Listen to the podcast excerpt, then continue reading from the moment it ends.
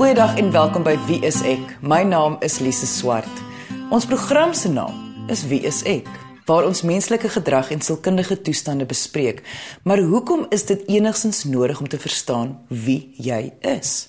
Wat kan 'n persoon baat daaruit? Wel, dit is hopelik wat ons vandag gaan uitvind by Wees ek se drie hoofsielkundiges, Johannes Schikkerling, Louis Averbag en Bram Beetge. Al drie is ervare sielkundiges in hul onderskeie spesialiteite. So Bram Johannes Louis, 'n jaar gelede het 'n luisteraar vir ons geskryf hoe belaglik hy dink ons naam is, want wie op aarde weet nie wie hulle is nie. Maar tog is hy nie heeltemal verkeerd nie. Die meeste mense het tog 'n idee van wie hulle is. Ja, natuurlik. Maar mense het ook ten opsigte van baie ander areas van hulle self nie regtig idees nie soos tegnologie aangaan byvoorbeeld vind ons uit wat ons bloedgroepe is, wat ons DNA strukture is en ons programmering is. En daar is dus geweldig baie areas van onsself wat ons nie ken of verstaan nie. Maar hoekom is dit enigstens nodig om te weet wie jy is? By watter aspekte in 'n persoon se lewe kan dit tog bydra? Lisa, ek dink 'n mens moet hier weer kyk na twee baie basiese behoeftes in die mens: om te werk en lief te hê. So as jy vra, hoekom is dit enigstens nodig om te weet wie jy is? Hoe meer jy weet van jouself, hoe meer kan jy jouself verder verryk in jou beroep. Hoe meer kan jy jouself verder verryk in 'n verhouding. Hoe meer ons weet van onsself, hoe makliker kan ons deur die lewe gaan. Elke persoon herhaal sekere patrone. Soms is dit positief en soms is dit negatief. Indien die persoon bewus is van hulle patrone, kan hulle dit uitbrei en kan hulle nog makliker deur die lewe gaan. Indien hulle nie bewus is van hulle negatiewe patrone, want hulle herhaal ook hierdie patrone en dit maak hulle lewe moeiliker. So dit help mens baie om bewus te raak van wie jy is en ook jou patrone sodat die lewe vir jou makliker is. 'n Ander aspek wat ek dink ook belangrik is, is dat hoe meer 'n mens weet wie jy is, hoe meer begin jy verstaan van jou eie verhouding met jouself en jou verhouding met die buitewêreld en hierdeur begin jy om jou persoonlikheid meer te verstaan en meer te ontwikkel. Kyk, dit is nie so 'n moeilike konsep nie. As jy byvoorbeeld weet dat jy regshandig is, dan weet jy om sekere instrumente te gebruik of aan te skaf wat by jou regshandigheid pas. Dis 'n eenvoudige manier van selfkennis, maar dit help jou mos. En op 'n sielkundige vlak is daar baie goed om te weet van myself. En daar is baie uh, aspekte wat mense regtig objektief oor kan inligting kry. Goed, kom ons vat 'n paar terme wat die man op straat gebruik om homself te beskryf. Byvoorbeeld, my persoonlikheid is so of so. Wat presies is iemand se persoonlikheid teenoor wat mense gewoonlik dink is hulle persoonlikheid? Persoonlikheid oor die algemeen is hoe jy is.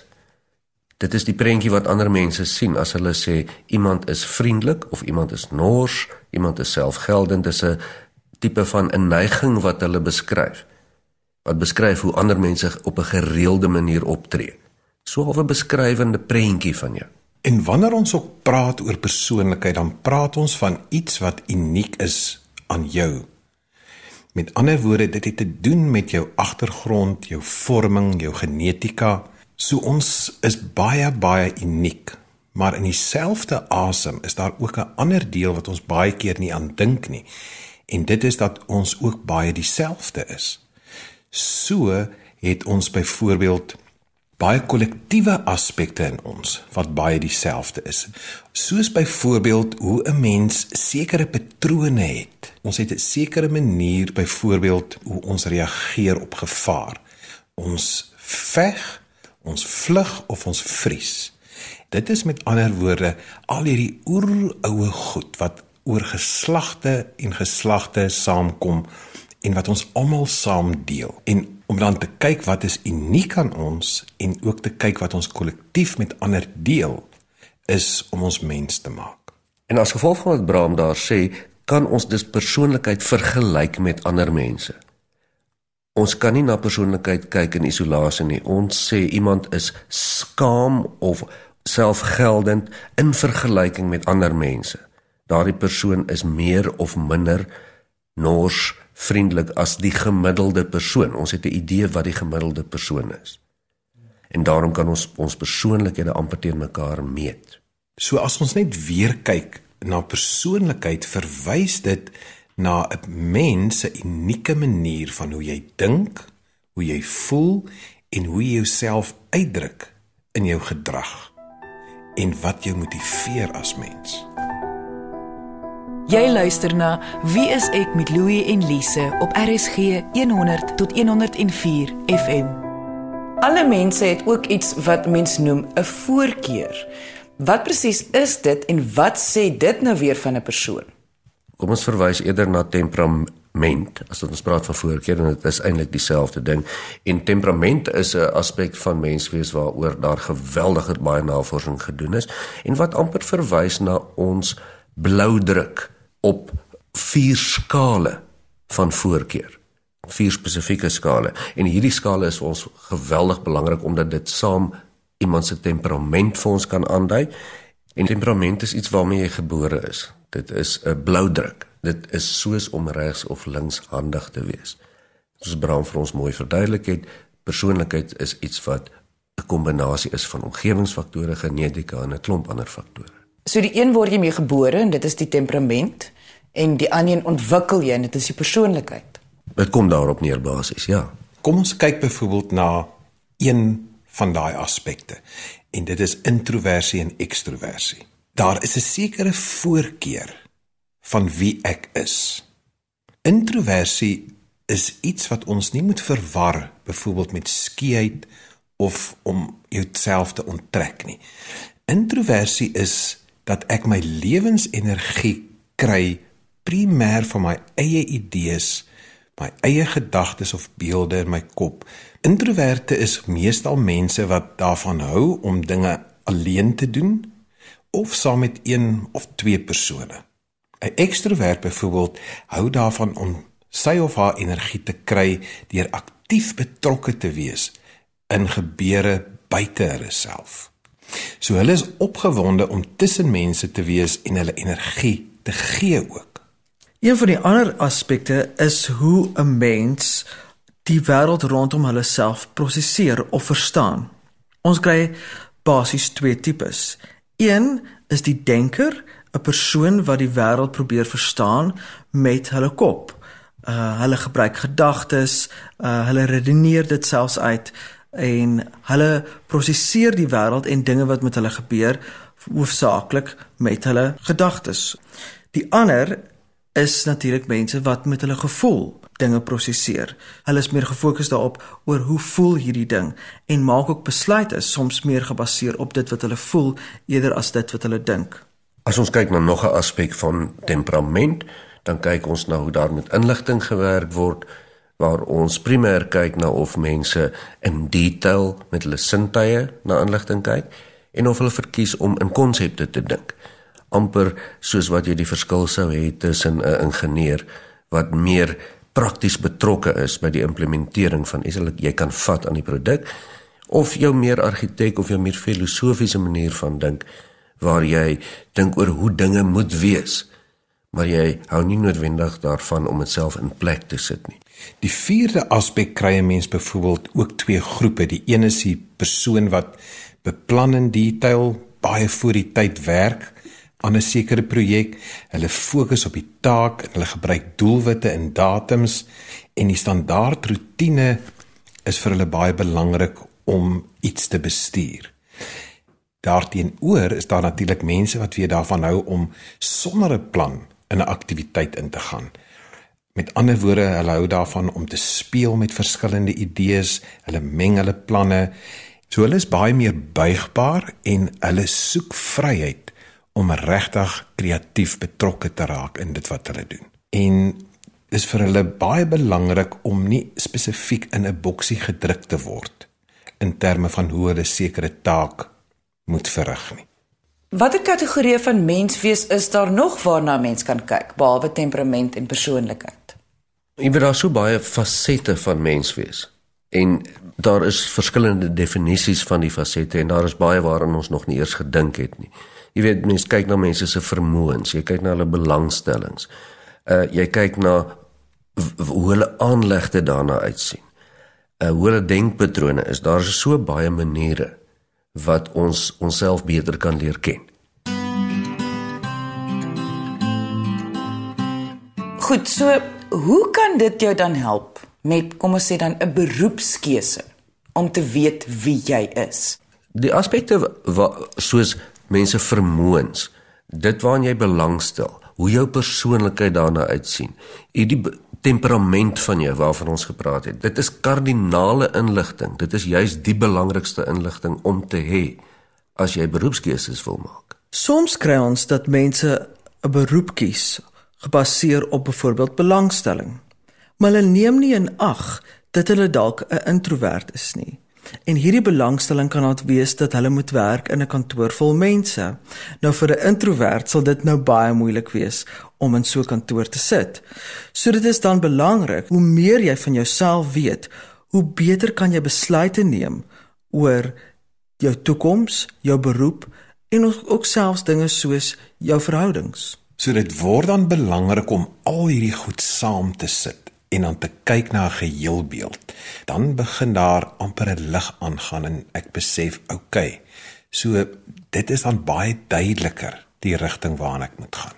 So, Louis Bram en Johannes, kan een van julle dalk net weer verduidelik watter aanwins dit vir 'n persoon kan wees om hom of haarself beter te verstaan? Dit kom kortliks daarop neer, Lise, dat hoe meer ons van onsself verstaan, hoe beter geheelbeeld kry ons oor onsself. So as ons weet wat ons aanlegte is, ons belangstellings en hoe ons persoonlikheid daarna uitsien, dan kan ons baie duideliker sekere keuses neem, sekere besluite maak. Dit het 'n groot aanwins met jou verhouding met jouself en ook met jou verhouding met ander mense. Sielkundiges is tog daar om mense te help verstaan wie hulle is. Maar ek weet dat nie alle sielkundiges op dieselfde manier dit benader nie. So, hoe benader julle dit? Die lekker deel van my werk, Lise, is om te kyk na die persoon wat voor my sit. Waar is hierdie persoon op hierdie stadium in sy of haar lewe? En ek gebruik gewoonlik die voorbeeld om vir mense te verduidelik dat wat ons op hierdie stadium weet is baie bewustelik. Maar daar is ook 'n magdom in ons wat onbewus is. So hoe ek mense help is nie net op 'n bewustelike vlak nie, maar ek kom ook vanuit die onbewuste uit. So as mense byvoorbeeld vir my begin vertel van hulle drome en ons begin kyk daarna en ons ontleed dit saam, dan begin jy sien hoe dit 'n goue pad word om baie meer van dit te verstaan van wie ek is wat ek nie van weet bewuslik nie. Wanneer mense gewoonlik by ons opeindig, is dit gewoonlik omdat hulle een of meer dele van hulle self verwerp of ontken. Dit kan wees as gevolg van trauma of aangeleerde gedrag of selfs 'n verdedigingsmeganisme wat hulle ingespan het om te oorleef. Dit is dan vir, vir ons belangrik om al die verskillende elemente van die persoon spasie te gee en om erken te word. Dit help dus die persoon om meer van hulle self te leer en meer geïntegreerd te leef as gefragmenteerd. Dit beteken dat jy al die dele van jouself bymekaar bring en hulle almal geniet in plaas daarvan om die wat jy nie van hou nie of nie noodwendig wil sien nie verwerp. My benadering om mense te help om homself beter te verstaan is is om vir hulle terugvoer te gee wat partymal probeer ek dit objektief gee, so ek probeer partymal gebruik maak van psigometriese instrumente wat aspekte soos temperament, voorkeur, persoonlikheid ensovoorts kan meet. Of die ander manier is is om te kyk hoe die gemiddelde persoon hierdie persoon ervaar. As almal vir jou kwaad is in jou lewe byvoorbeeld, is dit vir jou 'n goeie aanduiding dat daar iets is in jou persoonlikheid wat mense afstoot. So my benadering is om vir mense terugvoer te kan gee op areas wat hulle blind voor is. Ons almal is blind vir baie areas van onsself. Maar kan 'n persoon self probeer uitwerk hoe wie hulle is en indien wel hoe? Ja, jy kan. En een van die maniere is om soveel as moontlik terugvoer te kry. Hoe meer mense jy in jou omgewing kan vra, mense wat jy ken, mense wat jou ken, vra vir hulle. Hoe sien julle my ten opsigte van 'n uh, vriendelikheid, selfgeldendheid, norsheid, dit wat jy wil weet, die inligting wat jy wil weet. Geef my 'n bietjie terugvoer asof daar 'n insek agter op my rug sit. Ek kan nie dit sien nie, vertel my daarvan. En dis een van die beste maniere wat mens kan gebruik om 'n beeld te kry van hoe jy ervaar word is deur ander mense eenvoudig te vra. Nog 'n manier is om jouself kritiese vrae te stel oor jou gevoelens, jou gedagtes, jou ervarings en vir jou self te vra is dit die enigste manier om na hierdie spesifieke ding te kyk.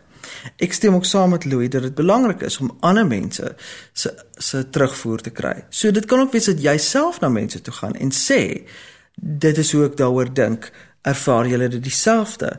En dan kan mens eintlik 'n goeie terugvoer kry oor dit wie jy is of die, hoe jy ervaar word. Jy luister na Wie is ek met Louie en Lise op RSG 100 tot 104 FM. Ek is geïnteresseerd om te hoor hoe deur jouself beter te leer ken, kan dit iemand baat in 'n verhouding. Wel die mees voor die hand liggendste antwoord daarop is dat jy kan leer hoe jy gesien word deur ander mense se oë. As jy byvoorbeeld terugvoer kry van 'n verhoudingsmaat of 'n kollega of 'n vriend of vriendin dat jy oor die algemeen as ongeskik ervaar word of jy nou dink dit is so of nie is dit 'n ekstra stuk inligting wat jy het wat jy dan kan gebruik in die verhouding met die persoon wat jy is. Jy gaan jou gedrag verander as jy wil. Jy kan ook kies om net dieselfde te hou. Maar dis inligting wat jy van jouself weet wat vir jou die lewe kan makliker maak of nie binne 'n verhouding. In enige verhouding is ons ook altyd besig met wat ons in die sielkunde noem projeksies. Met ander woorde sekere gedagtes en idees wat ek in myself het wat ek baie keer nie meer gemaklik is nie wat ek nie wil erken nie gaan ek baie maklik en onbewus dan op iemand anders projekteer. So hoe meer jy van jouself leer ken en weet wie jy is, hoe meer verantwoordelikheid kan jy neem rondom jouself en projekteer jy minder van jou eie unfinished business op ander mense. En dis natuurlik 'n aspek wat baie probleme in alle verhoudings veroorsaak of dit nou 'n werksverhouding is en jy projekteer 'n autoriteitsprobleem teenoor jou baas of dit 'n liefdesverhouding is of 'n vriendskap is, enige verhouding. Die oomblik as ons in verhouding tree met iemand, dan is ons altyd besig met projeksies.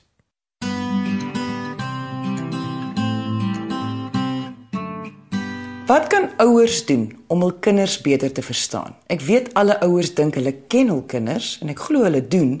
Maar as ek so na julle luister, besef ek hoeveel meer hulle van hulle kinders kan leer. Wat natuurlik kan help in die toekoms om die kind te help om sy of haar eie potensiaal te bereik. Lise, die belangrikste hier is dat ons luister na ons kinders. En ons onderskei tussen luister en hoor.